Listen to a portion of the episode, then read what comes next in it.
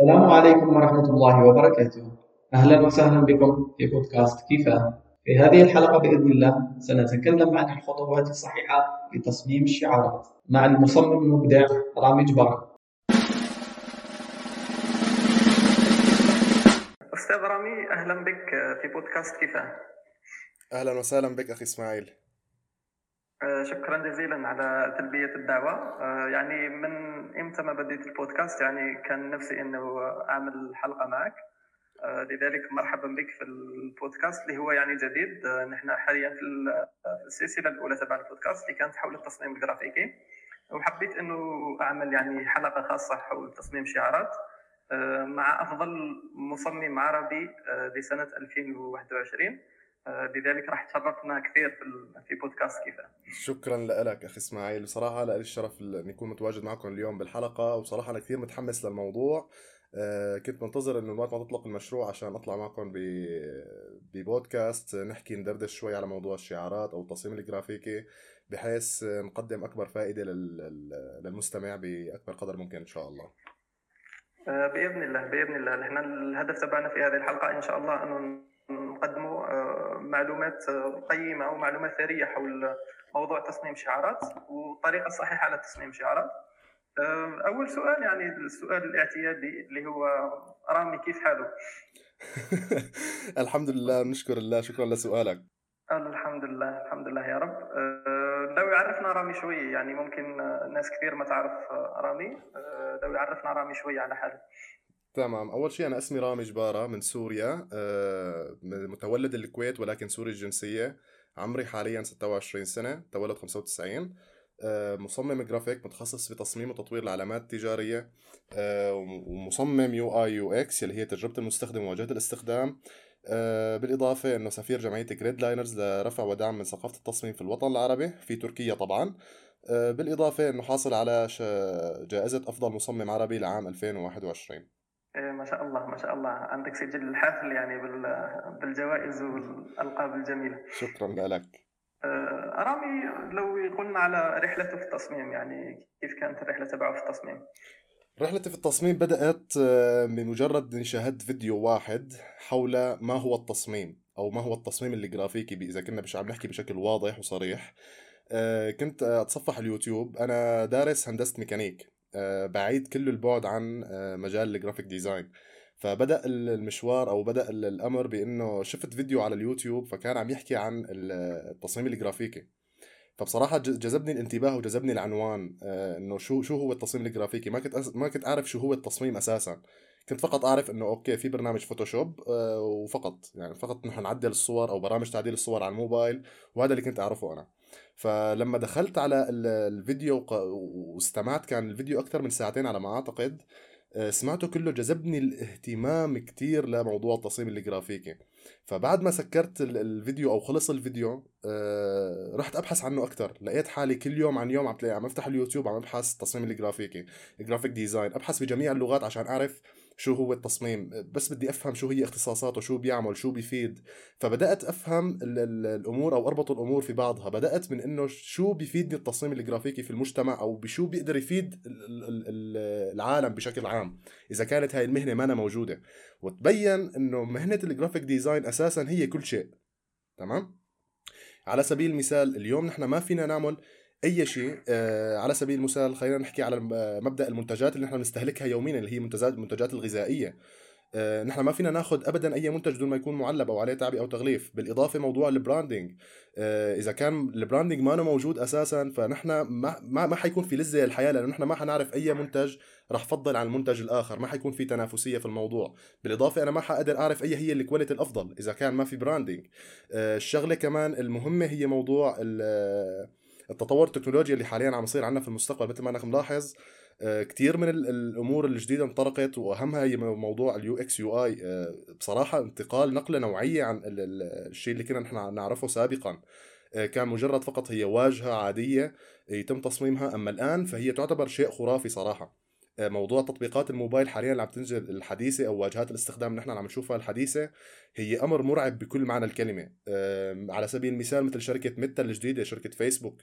آه، شفت أطلقت الشركة الجديدة الأم يلي هي ميتا حاليا عم عم تتوعد بأمور يلي هي الخاصة بالواقع الافتراضي. فتخيل النقلات النوعية اللي حتصير في المستقبل من وراء ال graphic design نفسه.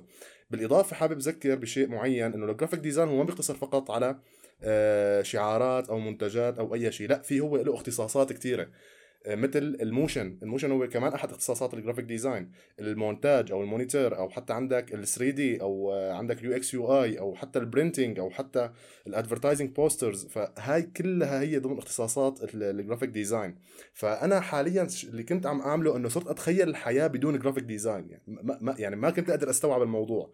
لأنه منطقيا أنا أول ما في الصبح يعني أستيقظ صباحا. فأنا أشوف آه، بكل معنى الكلمة إنه أنا وين ما عم حط عيني فأنا عم شوف شعارات عم شوف branding عم شوف logos عم شوف منتجات عم شوف أدوات. فكل هذا الشيء أنا عم أقدر أشوفه في اليوم الواحد. فتخيل إذا أنت هاي الأمور أنت عم تشوفها خلال السنوات كلياتها. كيف حتقدر أنت تتواجد بهذا العالم إذا كانت هي ما موجودة أساسا؟ والأهم من ذلك إنه موضوع ال graphic design هو ما كان شيء حديث. هو كان موجود من القدم. يعني كان هو موجود بأسلوب النحت على الح... على الأحجار يلي هو كان موجود هذا الفن اسمه فن الكهف. آه، تم تطويره وتم وجود أول حاسوب. بعد منها دخل آه، برامج التصميم في القصة. فال graphic design عمل نقلات نوعية في العالم وفي عنا كثير يعني آه، حركات أو فينا نقول مدارس تصميم عملت ثروة خلينا نقول أو ثورة بمعنى أصح في في العالم. واهمهم فينا نحكي هي مدرسة الباوهاوس. عملت نقلة نوعية في العالم. كمان عندنا مدرسة ال minimalism يلي هي تعتمد على مبدأ البساطة يعني بحيث نحن نقدر نشوفها حاليا بال interior design كمان. فالموضوع إنه ال graphic design هو أسلوب حياة في كل معنى الكلمة من معنى. فما بتقدر تتخيل اليوم حياتك بدون graphic design أساسا. فهذا الشيء اللي خلاني حب ال graphic design وخلاني أنجذب لهذا الموضوع. جميل جميل جدا. يعني بعد ما عملت أنت البحوث تبعك حول المجال التصميم الجرافيكي أه بدأت الرحلة تبعك عن طريق حب. يعني حبيت المجال وحبيت الاختصاصات المجال شو يعني يعني يعملوا بالمجال. وبعدها بديت الرحلة تبعك في التصميم الجرافيكي. أه هذه المعلومات يعني من كم سنة يعني؟ فينا أه نقول يعني آه هلأ آه بشكل صريح العباره إنه أنا بصراحة بحب ما بحب أحكي على موضوع خبرتي في المجال لسبب معين إنه الناس ما بتقدر تصدق أو تستوعب الأمر إنه أنا قد صار لي في المجال، أنا صار لي في المجال العمل ما يقارب الثلاث سنوات وحاليا راح أدخل في الأربع سنوات. ولكن الأمر اللي أنا صار معي كمية التعب والسهر والإجتهاد الشخصي اللي عملته على نفسي كان يفوق الوصف. يعني كنت أنا أعرف وين الوقت عم يروح وين عم يضيع وقتي. كنت دائما ما تلاقيني أفتح على الموبايل على ال social media أو حتى أروح أفتح على يوتيوب أو أفلام أو أي شيء ضيع فيه وقتي. لا كنت دائما أبحث أتعلم دور على شيء جديد أتمرن. بالنهاية أنا إذا ما ما تمرنت في مقولة دائما بتقول الاستمرارية هي اللي بتجيب النتيجة. تمام؟ فهذا الشيء اللي أنا صار معي. يعني وصلت قطعت مرحلة جدا كبيرة خلال هاي الثلاث سنوات يلي عملت عم يعني نقلة نوعية بحياتي بصريح العبارة. لقيت حالي بمجال الشعارات اللي هو ال logo design يلي هو جذبني أكثر وخلاني حب مجال عملي أو خلاني حب إنه أنا أتعلم أكثر كرمال أفهم شو هي الشعارات وأفهم كيف آه، بتدور الأمور فيها أو حتى شو هو أساس ال branding بشكل عام. فهاي الأمور كلها هي اللي أنا صرت أبحث عنها هي اللي عم تخليني عم تجبرني كل يوم إنه أنا أفتح وأبحث وأتعلم. صدقني الأمور أو البرامج أو Illustrator آه، أو Photoshop وإلى آخره هاي البرامج الثانية اللي طالعه آه، ما حتفيدك. يلي هو حيفيدك انك هي عقليتك كمصمم. آه، هيكلك ال character تبعك أنت كمصمم هو اللي حيفيد يوصلك لمراحل أنت ما كنت تحلم فيها أساسا. صحيح صحيح. جميل جدا. يعني صراحة أنا تفاجأت شوية من المعلومة أنه آه، صار لك ثلاث سنين فقط أو خلينا نقول أربع سنوات في المجال. ويعني مقارنة بالمستوى اللي وصلته يعني شيء خرافي. يعني ممكن كثير من الناس ما راح تصدق أنه خلال هذه المدة واني وصلت لهذا المستوى. لو صحيح. فيك تلخصنا يعني تلخص لنا مده أربع سنوات يعني شو أهم ثلاث نقاط اللي خلوك توصل لهذا المستوى خلال هذه المدة الزمنية القصيرة؟ اولا اللي هو الالتزام تمام؟ انك انت تقعد تعهد على حالك تعمل تقطع وعد على نفسك انك انت حابب هذا المجال إنت بدك تتعلمه. إنت مانك دخيل على المجال. في كتير دخلاء في فرق كتير كبير بين المصمم وبين المنفذ تمام؟ فأنت بدك تختار تكون واحد من الاثنين. المنفذ ما بيهمه ابدا أي شيء نحن عم نحكيه في هاي الحلقة. هو فقط بيهمه إنه يفتح البرنامج ويطبق الشيء يلي عم بي... يلي عم يعطيه الأمر فيه. مثلا على سبيل المثال إنه صمم poster social دي... social media أو صمم لوجو أو إلى آخره فهاي الأمور هي اللي هو اللي بيعملها المنفذ. أما المصمم هو بالتفكير. ثاني شيء اللي هو ساعدني موضوع البحث. أنا كثير تعبت بموضوع الريسيرش اللي كنت أعملها على أي موضوع أنا بدي إياه. كنت دائما أقرأ آه، دائما أشوف فيديوهات دائما يعني يمكن قنوات اليوتيوب حفظتها كلها صراحة على الشيء اللي صار اللي عمل لي هاي النقلة النوعية. والأهم من ذلك اللي هو آه، الأمر الثالث آه، استشارة الخبراء في المجال. بدون هون أكيد أنا ما كنت حوصل لهاي المراحل لهم فضل كثير كبير علي. تعرف مين تسأل؟ مو تسأل أي إنسان فقط هو أنت بتشوفه بتشوف شغله والى آخره تسأله لا يمكن هذا هو يكون مصمم منفذ. انت لازم تعرفوا مين هو هذا الشخص. آه، ما راح نذكر أسماء أساتذة مشان ما يكون في موضوع آه، تسويق لهم ولكن آه، أساتذة معروفين يعني مستحيل يقدروا انك أنت ما تميز الأستاذ من المنفذ. فهمت علي كيف؟ فاستشارة الخبراء هذا أمر جدا مهم بأي مجال أنت بتفوت عليه. فضروري جدا تستعين بخبرتهم يلي هي تقدر ب 30 سنة أو 45 سنة. هدول الناس اللي هن بحق يستحقوا اسم المصمم. صحيح صحيح.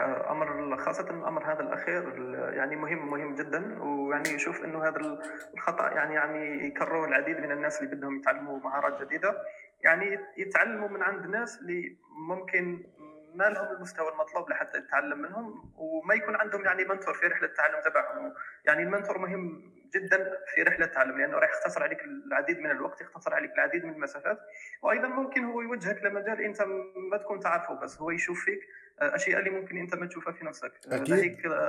أمر ال mentor مهم جدا صحيح تماما. وهذا الشيء اللي صار معي منطقيا إنه أنا كنت شخص آه، كان يطلع معي شعارات أو تصميم شعارات ف بتذكر أحد الأساتذة قال لي قال لي انه فوت في هذا المجال لأنه عم يشوف فيني شيء جميل بموضوع ال branding ما كان عم يلمسه بالمواضيع الثانية فهمت علي كيف؟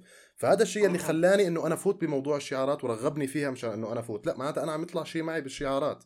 آه الأمر الأخير هو موضوع ال ال كنا أنا حابب أعلق على النقطه اللي هي الناس الدخيلة على المجال أو خلينا نقول اللي هي بين قوسين المؤثرة بموضوع التصميم الجرافيكي. آه، مثل ما لاحظنا بالاوان الأخيرة عم يطلع كتير ناس آه، على ال social media بي يمكن متاخذين course أو كورسين على ال Photoshop أو ال Illustrator فبيقدروا بيقدموا بيعطوا محتوى وبيقدموا كورسات وبيقدموا والى آخره. فلهون المجتمع أو خلينا نقول المتلقي هون عم يضيع ما عم يعرف أي هو الصح من الغلط من كثره هاي الأمور اللي الناس عم تعملها. يعني على سبيل المثال أنت اليوم بتشوف أي إنسان فقط تعلم Photoshop Illustrator فتح آه، حساب انستغرام أو فيسبوك أو LinkedIn وبلش يطلع يعمل محتوى. وصارت معي أنا شخصيا يعني لما فتحت على شخص على على LinkedIn تفاجات كان نزل بوست إنه كيف بتصمم شعار بدقيقة أو بدقيقتين أو يعني شو شو أنت شو عم تحكي بموضوع تصميم شعار؟ يعني أنت حاطط كل شيء على المحك. فشو عم تحكي دقيقة أو دقيقتين؟ صحيح صحيح صحيح. وأعتقد هذا المشكل موجود يعني في في جميع المجالات و آه، بس أعتقد أنه المشكل الثاني أنه يعني أصحاب الخبرة ما عم يعملوا محتوى آه، ما عم يقدموا محتوى اللازم اللي يغنينا أنه آه، الناس المبتدئة أنها تتعلم يعني من من دخلاء على على المجال. لذلك ممكن يعني اللوم يقع على على الطرفين شو رأيك في الموضوع؟ آه، أنا لا ما بعتقد هذا الكلام لأن للأمانة آه، مثلا على سبيل المثال كان في آه، كان فيديو نازل على ال reels كتير انتشر على شخص كان مشتري سيارة لامبرجيني تمام؟ فكان نازل فيديو تاني له لمين؟ لجيف بيزوس عم يحكي كيف بتشتري سيارة اللامبرجيني فالسيارة اللامبرجيني كان يلي الشخص اشتراها كان عليها من فوق ل 3 ملايين views تمام؟ أما الفيديو الخاص بجيف بيزوس عم يحكي فيه كيف رح تشتري هاي السيارة كان عليها فقط مئة ألف views ف... ف... فالمشكلة لا الناس هي بتلحق العنوان العنوان نفسه الناس بدها الشيء السهل ما بدها الشيء يلي هي تقعد تبحث تعمل research على سبيل المثال أحد أمور عمليات تصميم الشعار هي عملية ال research أنا يمكن نادرا آه، أو قد يخلو من الناس اللي بعرفهم بيعملوا عملية ريسيرش أساسا أثناء عملية تصميم الشعار. ليش؟ لأنه ما بده يتع... لأنه ما بده يتعب حاله أساسا بعملية بحث عميقة يلي هي رح تحدد أساسا مين هو المشروع وشو هو هيكليه الشعار حتكون أو مين هن الجمهور المستهدف أو حتى شو الجمهور المستهدف بيرغب. آه، بالنهاية أنت ما عم بتصمم للعميل أنت عم بتصمم لجمهور العميل. صحيح صحيح نعم صحيح. آه، يعني نقاط نقاط جد مهمة اللي ذكرتها يعني ماني حاب أدخل في بعض التفاصيل لأنه صحيح يعني بعض التفاصيل تحتاج أن توضيح. أكيد. بس آه، لأنه وقت الحلقة شوي راح يكون ضيق. لهيك يعني بما أنه الحلقة راح تكون على الشعارات خلينا ممكن نركز شوية على ال process تبع تبع تصميم شعارات. آه، أنت متى قررت آه، أنه تبدأ يعني يكون تخصصك في تصميم شعارات؟ أنت قلت okay حان الوقت حاليا أنا راح أكون مصمم شعارات. يعني كيف بدأت هذه الرحلة؟ بدأت الرحلة من قبل سنتين على الضبط. آه، من أول شعار أنا عملته لإلي هو شعاري الشخصي. آه، عملت شعار لإلي شخصي اللي كان بتعرفه كان على شكل كاليغرافي هو الخط الكوفي. نعم نعم أتذكر الشعار نعم. كنت عامل هذا الشعار. آه، بدأت الرحلة من هون من هذا الشعار الب- البسيط جدا أو خلينا نقول اللي كان مليء بالأخطاء. آه، بعد ما شفت المصمم إنه يشوف إنه في هذا شيء لإله إنه يميزه عن باقي الناس فكان هذا شعور كتير جميل لإلي إنه أنا في عندي شعار شخصي. آه، كنت دائما حابب أعمل شيء يمثلني أنا.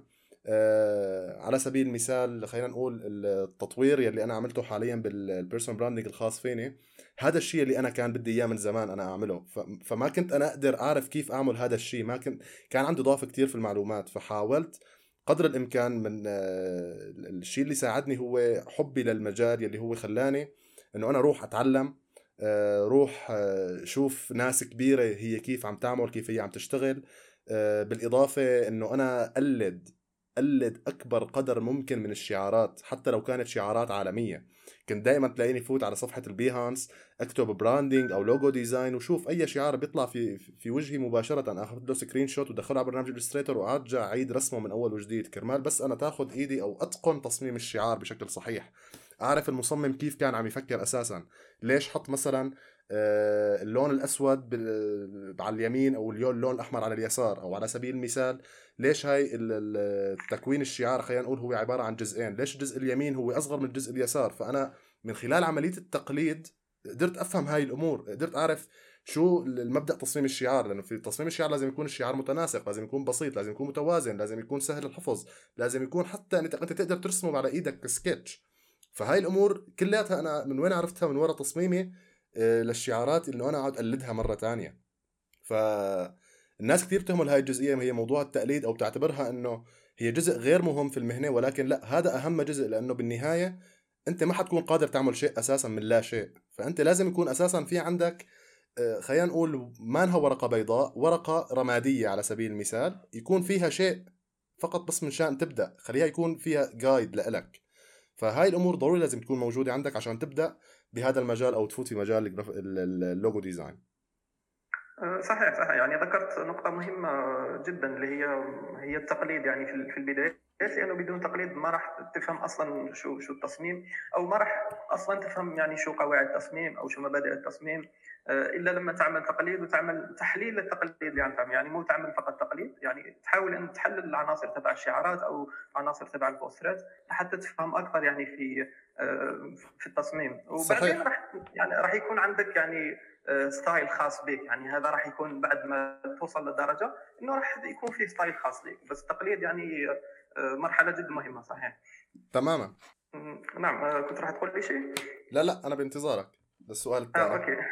آه أوكي تمام. آه أوكي. حل... حاليا شو هم الخطوات الصحيحة لتصميم شعار يعني شو الخطوات اللي تتبعها آه تص- تصاميم شعارات آه، دائما أنا عندي مقولة بقولها إنه الشعار الصحيح في البريف الصحيح. لازم تعرف تطرح السؤال الصح لتاخذ الإجابة الصح والمقنعة لإلك. كتير ناس بتلاقي أول ما تبدأ اجتماعها مع العميل بتسأل هذا السؤال شو اللون المفضل لإلك؟ أو شو اللون اللي بدك إياه للشعار وهذا يعتبر أكبر خطأ في تصميم الشعار أنت ما بدك هذا الشيء. نعم. تماما. ف... فانت لازم تعرف كيف تسأل السؤال. لازم تفوت في صلب الموضوع مباشرة. شو المشكلة اللي عم تواجهها؟ ليش بدك تعمل لوجو؟ شو هي الأسباب اللي بتدفعك لتعمل شعار جديد ل... ل... لشركتك؟ خلينا نقول مين هو جمهورك المستهدف؟ شو هي الأهداف اللي لك المستقبلية؟ شو هي المشكلة اللي عم تواجهك الحالية ورايد تحلها في المستقبل؟ فهاي الأمور الأسئلة اللي أنت تعرف كيف تسأل العميل صح هاي الأمور هي اللي حتحدد بقية ال process البقايا اللي نحن عم نتكلم فيها حاليا. المرحلة الثانية هي مرحلة ال research اللي هي مثل ما ذكرت سابقا آه، ناس كثير بتهملها. بتفوت مباشرة على تفتح البرنامج وبتفوت على ال Illustrator أو أي برنامج تاني وبيصمموا الشعار. لا أنت في عندك مرحلة اسمها مرحلة ال research بهاي المرحلة هي حتساعدك جدا جدا اثناء عملية تصميم الشعار. ليش؟ مثلا خلينا حنحكي على آه، العميل نفسه هو ما بيعرف كتير على موضوع المشروع تبعه. وفي كتير هيك عملاء يعني هن فقط عندهم الفكرة تبع المشروع ولكن كيف انت هون ينفذوها؟ فهن ما عندهم هذا الاطلاع.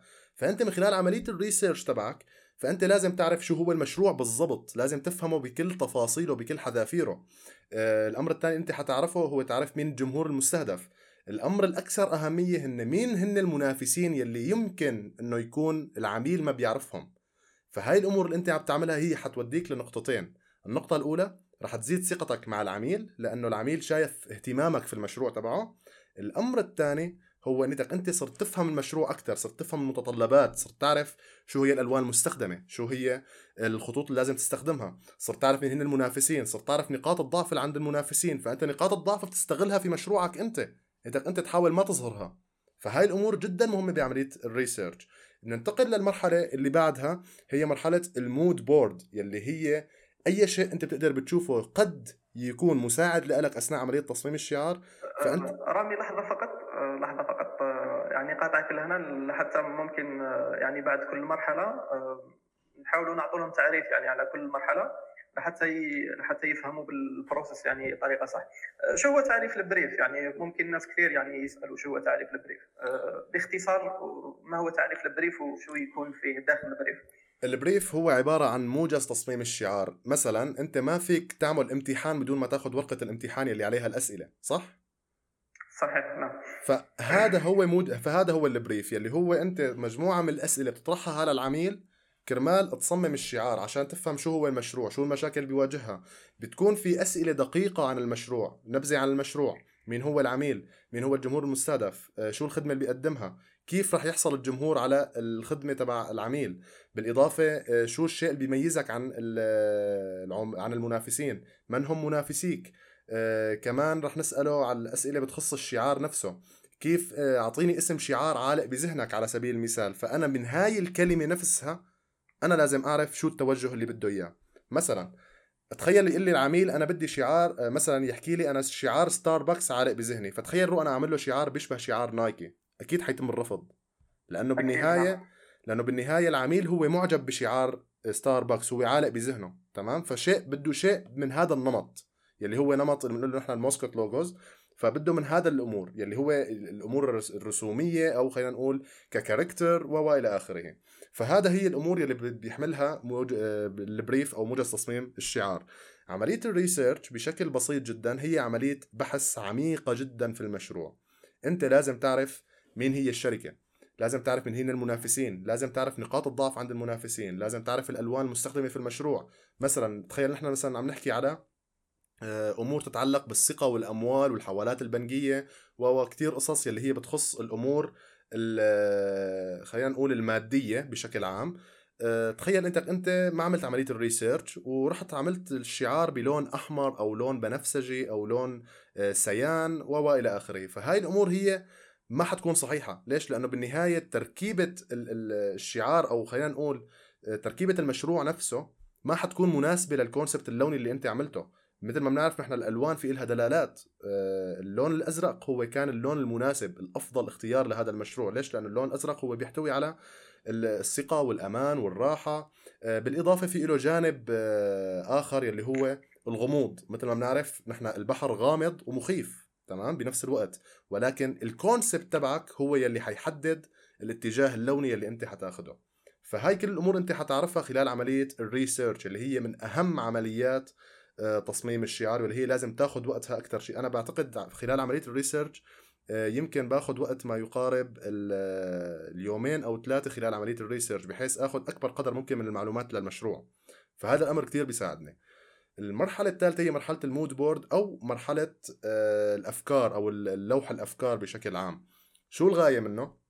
الغاية منه هو أنه يساعدك على آه، ابتكار أفكار أو صناعة أفكار مرة تانية من أول وجديد. يعني مثلا أنا في عندي تصميم شعار بخص آه، خلينا نقول الأمور البنكية تمام؟ فأنا رح أعمل ال mood board اللي عندي بضم الألوان اللي أنا شايفها مناسبة للمود للمشروع بشكل عام بحط مجموعة من الاقتراحات اللي عندي إياها بالإضافة للخطوط يلي هي بتعطيني الانطباع وال آه، بتعطيني ال concept الخاص بمفهوم الشركة. بالإضافة أنا لازم أشوف صور يمكن أنا أشوف صورة سماء فهي يمكن آه، ترمز لشيء معين فأنا بشيلها بحطها في مرحلة في في ال mood board يمكن تساعدني بشيء معين. مثلا أنا شفت تصميم ل... لمنافس مثلا يمكن هذا التصميم يعجبني أو ال concept التصميم نفسه يمكن يكون عاجبني فأنا باخذ هذا التصميم بحطه عندي في ال mood board يمكن أنا أستنتج فكرة تانية منه أو أنا أستوحي أخطاء في هذا التصميم أنا يمكن أتجنبها في التصميم تبعي. فهاي الأمور أنت لازم تعملها في عملية ال mood board اللي هو مثل ما ذكرت هو عملية اللوح الأفكار. آه، أمر آخر حابب جميل. جميل. يعني ال mood board هي تجميع للأفكار آه، اللي ممكن هي تكون guide لإلك أو تكون inspiration لإلك في تماما. عمليه عمل تصميم تصميم يعني اللوجو الخاص بك. تماما مية مية.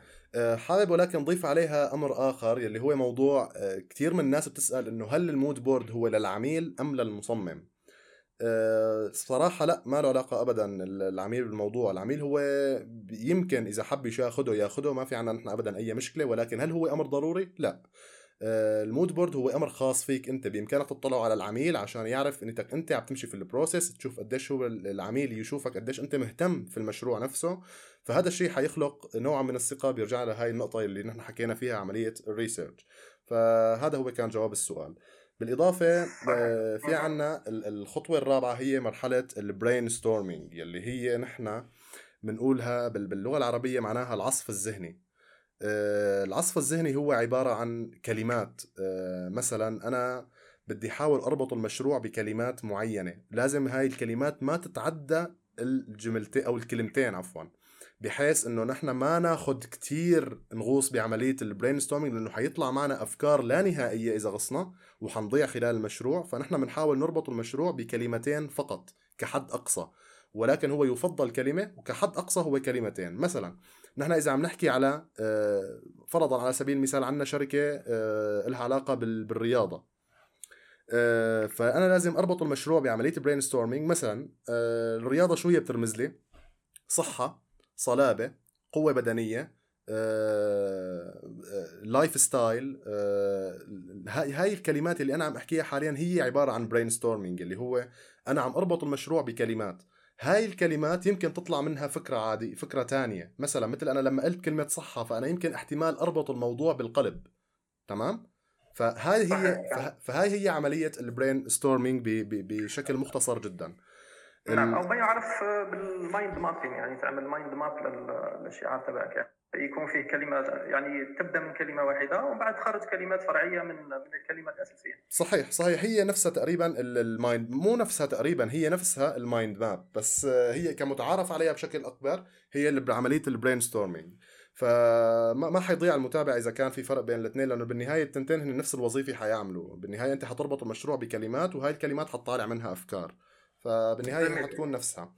الخطوة الخامسة هي حتكون مرحلة السكتش.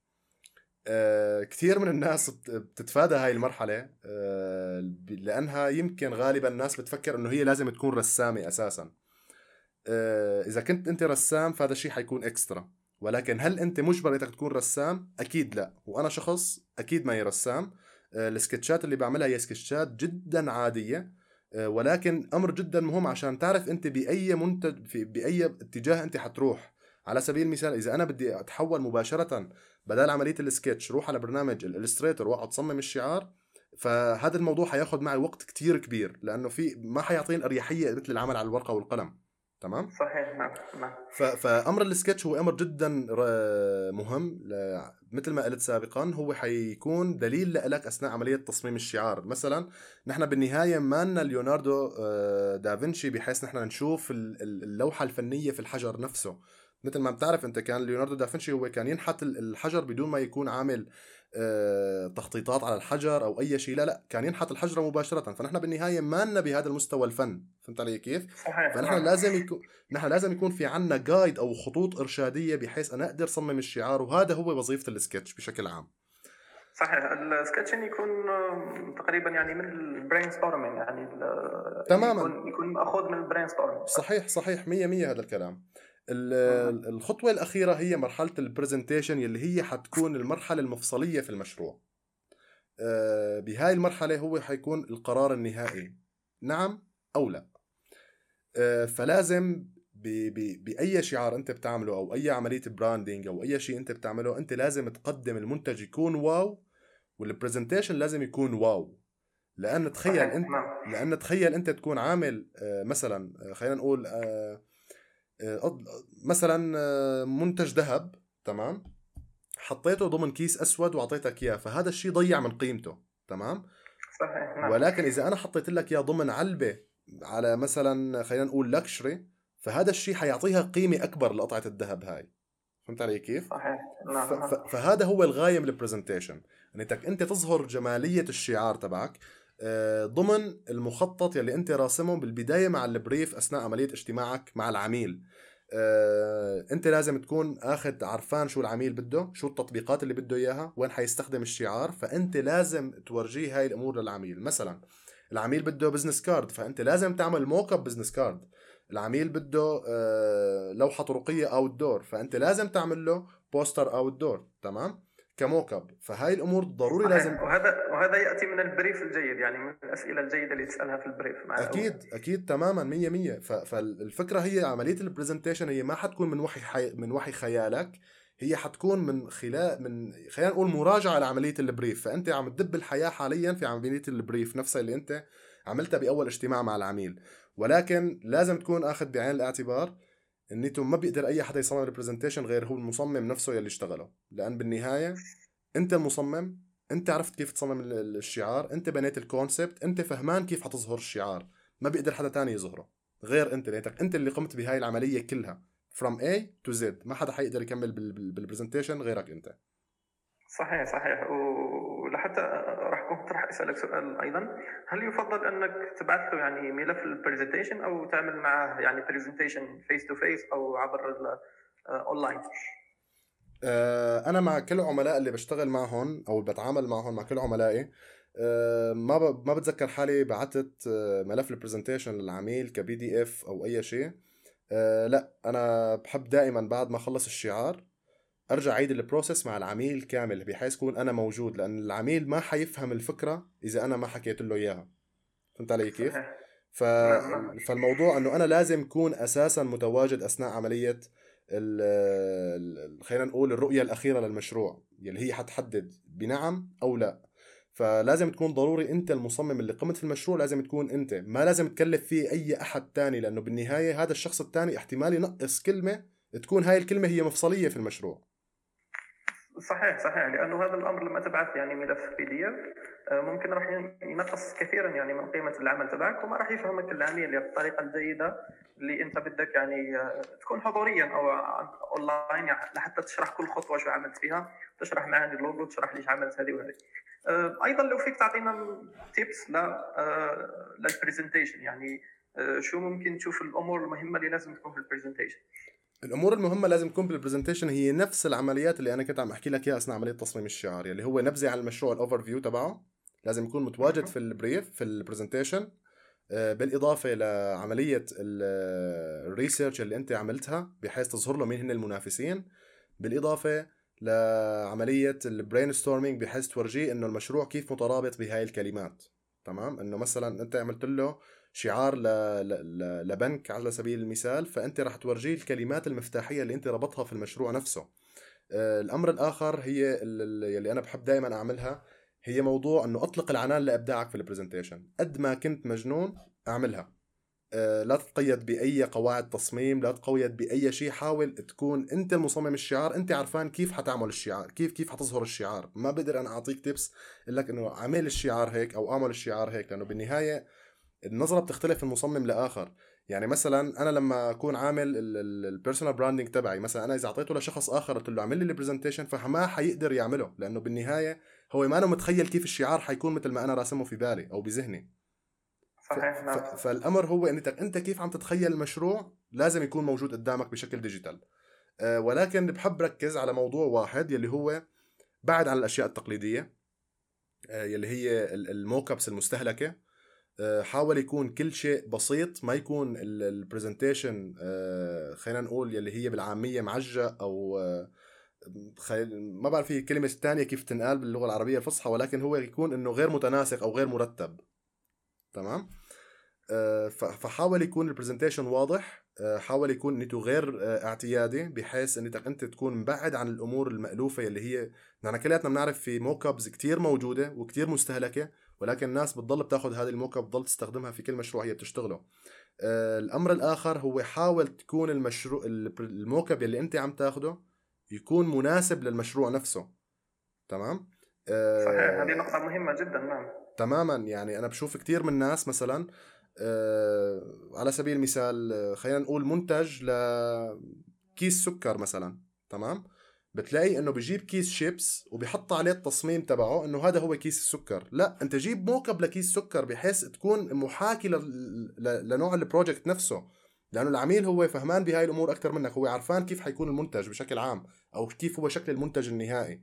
بس ولكن أنت كيف بدك تورجيه كيف حتظهر له إياه بشكل جمالي حاول يكون اختيارك لل mockup هو مناسب مع المشروع نفسه. ما بصير تستخدم mockup يكون ما متناسب مع المشروع. يعني مثلا هلأ آخر project اشتغلته كان مشروع برونز آه يمكن ال mockup اللي اشتغلتها أغلبها ركبتها تركيب. آه مثل ما انك ملاحظ كنت جايب آه أمور اللي بتتعلق بالعطورات بال fashion.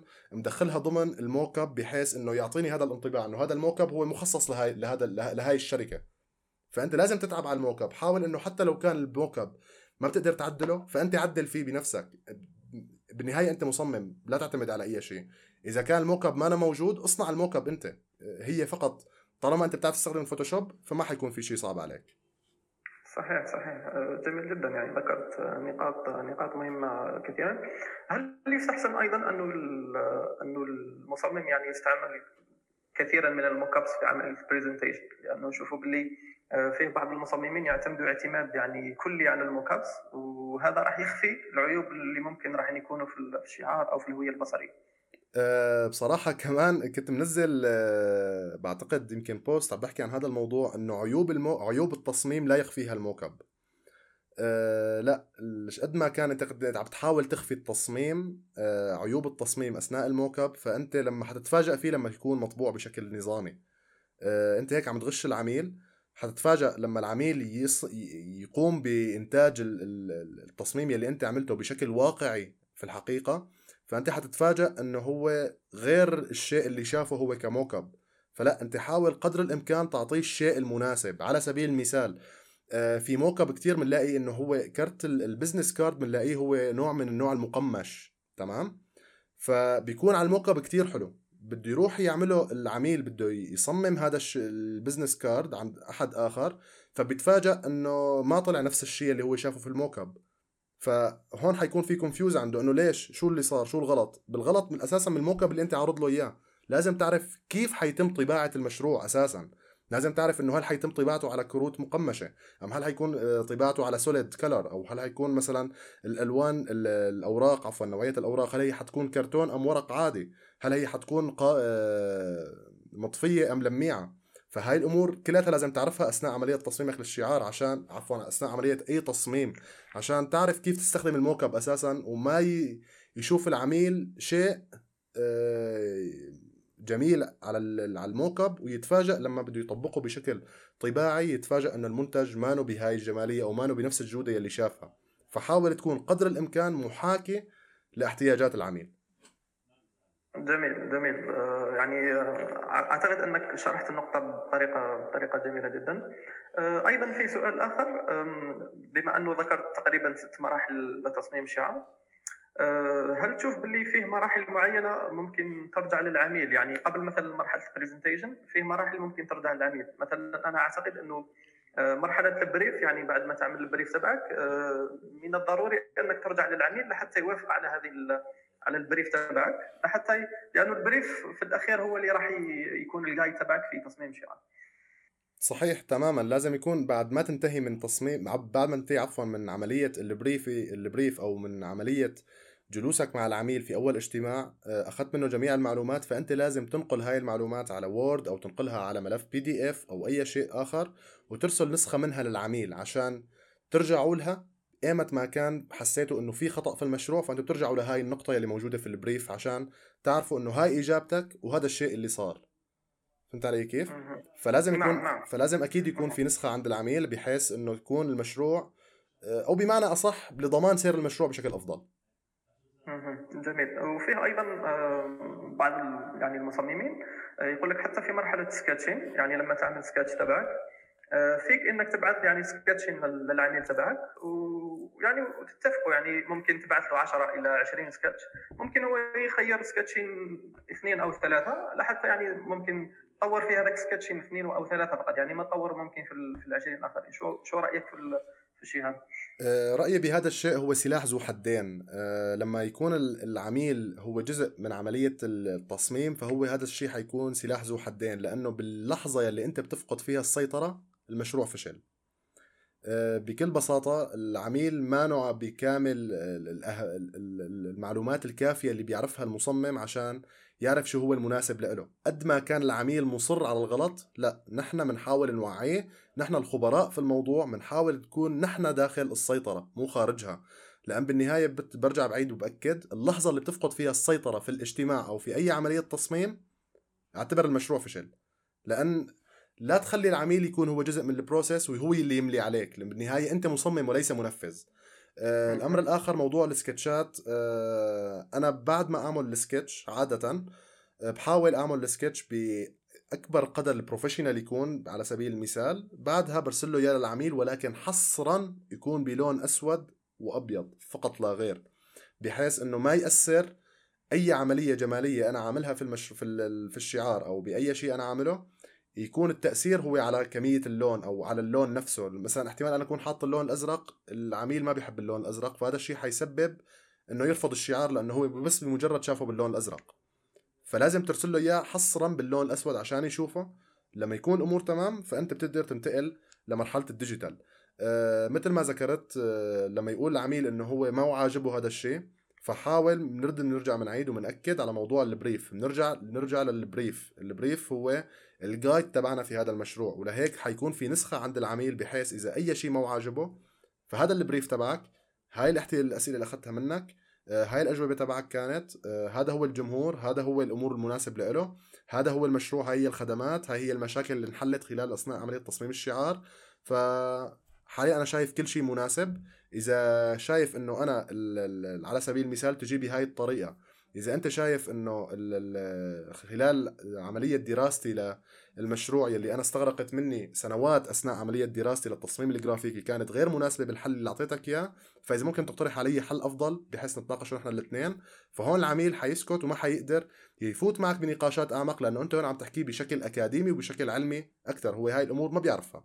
فلهيك إنه دائما بقول إنه لا تخلي العميل يكون جزء من ال process ويكون هو دائم السيطرة لا خليه okay خد خد رأيه ببعض الأمور حسسه إنه هو آه، مهم في أثناء عملية التصميم ولكن لا تخليه يكون هو صاحب القرار أو هو صاحب هو يلي يعطيك الأوامر وأنت تنفذها لا أنت مصمم أنت شغلتك تحل المشكلة وليس تنفذ المش... تنفذ الحل تبع المشكلة. جميل جميل. يعني ذكرت نقاط آه، مهمة جدا لأنه آه، مثل ما قلت إنه لما ترسل مثلا sketches تبعك آه، ممكن تكون سلاح ذو حدين. وأيضا ممكن لما يعني ما ترسل ولا شيء حتى مرحلة ال presentation أيضا ممكن ثاني تكون فيها سلاح ذو حدين. لأنه ممكن أنت تعمل presentation يعني تعمل مجهود كبير وبعدين تترفض يعني جميع جميع المقترحات تبعك. لهيك ممكن ال process يختلف من عميل لعميل. آه، ممكن كل كل عميل كيف آه، تشوف طريقة مناسبة لل- للعمل معه. آه، في عندي تعقيب على هذا الكلام. آه، لما يكون المصمم هو مصمم فعلي فحيكون حيعطيه الخيار الصحيح المناسب له وحيكون مقتنع بالفكرة وحيجاهد كرمال ياخذ العميل هاي الفكرة. دارس أنت الشخص ال- المثقف بهذا المجال أنت المصمم أنت الشخص يلي اجى لعندك العميل كرمال تحل له هاي المشكلة. إذا كان العميل قادر على حلها فكان بإمكانه بكل بساطة يوظف شخص منفذ وليس مصمم. تمام. في فرق كتير كبير بين الكلمتين. التصميم هو ورقة وقلم التنفيذ هو برامج بشكل قطعي. هذا الشيء اللي بدي اللي كنت بدي اياك انه تتكلم عليه لأنه في الأخير المصمم يجب أن يفرض نفسه يعني هو ال... هو الإنسان دارس هو الأدرى بهذا المجال يعني مو العميل لأنه العميل إذا كان يعرف ينفذ هذا العمل كان نفذه لحاله ليش حتى ممكن يستدعي إنسان آخر حتى ينفذ العمل. صحيح. جميل. ممكن خلينا نقول نقطة أخيرة قبل ما ننهي هذا اللقاء. شو تعتبر الخصائص المهمة اللي لازم تكون في الشعار حتى يكون شعار ناجح؟ لازم يكون الشعار بسيط. سهل التذكر بالإضافة أنه يكون فليكسبل مرن عند الاستخدام سهل الاستخدام على كل شيء تقريبا. أه، الشعار الناجح يلي هو بيقدر يشتغل على أي شيء أه، حتى لو كان خلفيات داكنة أو فاتحة حتى لو كان أماكن صغيرة أو كبيرة. آه، هذا يلي حياخذنا لمنطقة البساطة يلي هو الشعار البسيط هو سهل الاستخدام. آه، وهذا الشيء حياخذنا للنقطة الثالثة يلي هو سهل التذكر. البسيط سهل التذكر سهل الاستخدام. جميل جميل. يعني آه، هذه تقدر تقول أهم ثلاث خصائص يعني لتصميم شعارات صحيح. أه لو فيك تنصح يعني الناس اللي بدها تدخل في مجال تصميم شعارات أو الناس اللي حاليا يعني في مجال تصميم شعارات شو أهم ممكن النصائح اللي ممكن تقدمها له؟ اولا الابتعاد عن الأفكار المألوفة.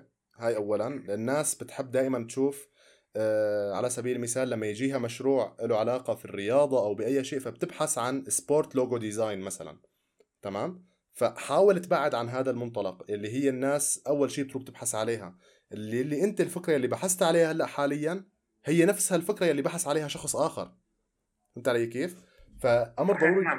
فشخص فأمر ضروري جدا إنك أنت تغوص في عملية تصميم الشعار هاي اولا.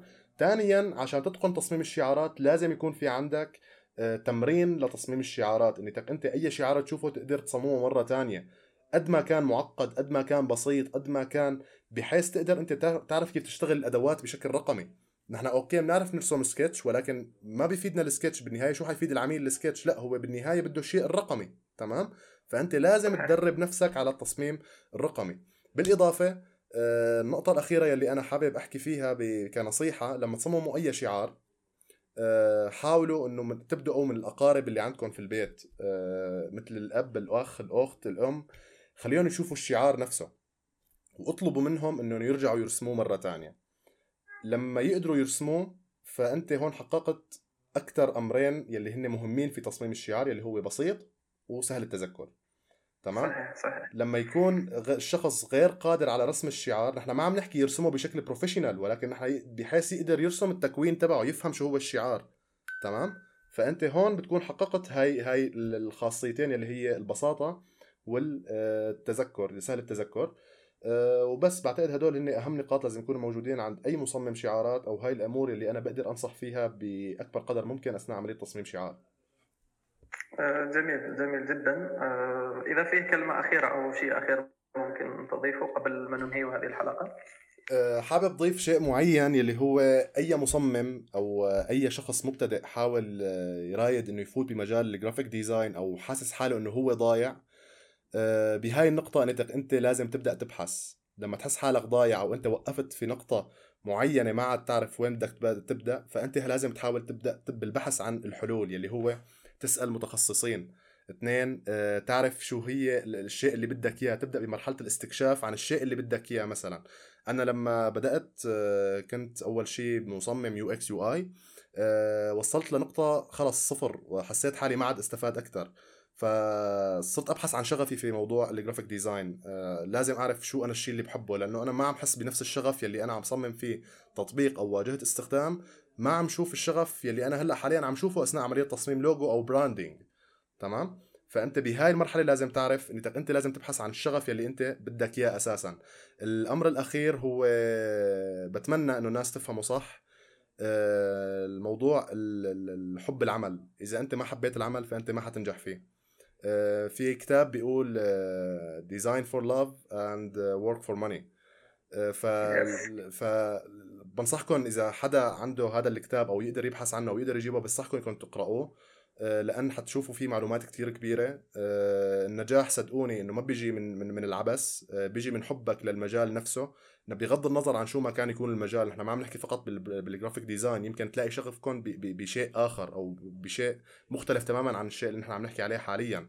آه، الأمر الأخير آه، بتمنى الناس آه، تفهم شو هو ال graphic design قبل ما تفوت في ال graphic design نفسه. آه، تعرف شو هو ال graphic design تفهم ليش ال graphic design موجود شو بيفيد ال graphic design إذا أنت ما فهمت حجم كلمة graphic designer فأنت ما حتقدر تقدر المنصب يلي أنت فيه حاليا أو شو هي الأمور اللي حتقدر تعملها في العالم. صدقوني ال graphic designer بيقدر يعمل آه، ثورات في الكرة الأرضية بشكل عام. حاليا أي شيء أنت بتقدر تعمله خلال ب poster بتقدر تعمل أي شيء بدك إياه. آه، بإعلان أو أي شيء فأنت بحاجة لانك تكون أنت مصمم. آه، مثل ما بنعرف في عنا مدرسة اسمها مدرسة باو هاوس عملت بنرجع بنعيدها عملت ثورة في في الكرة الأرضية. في عنا مرحلة عفوا مدرسة ال Swiss style أو خلينا نقول ال typography يلي هي عملت نقلة نوعية في ال graphic design يلي هي اخترعت نظام ال grid أساسا.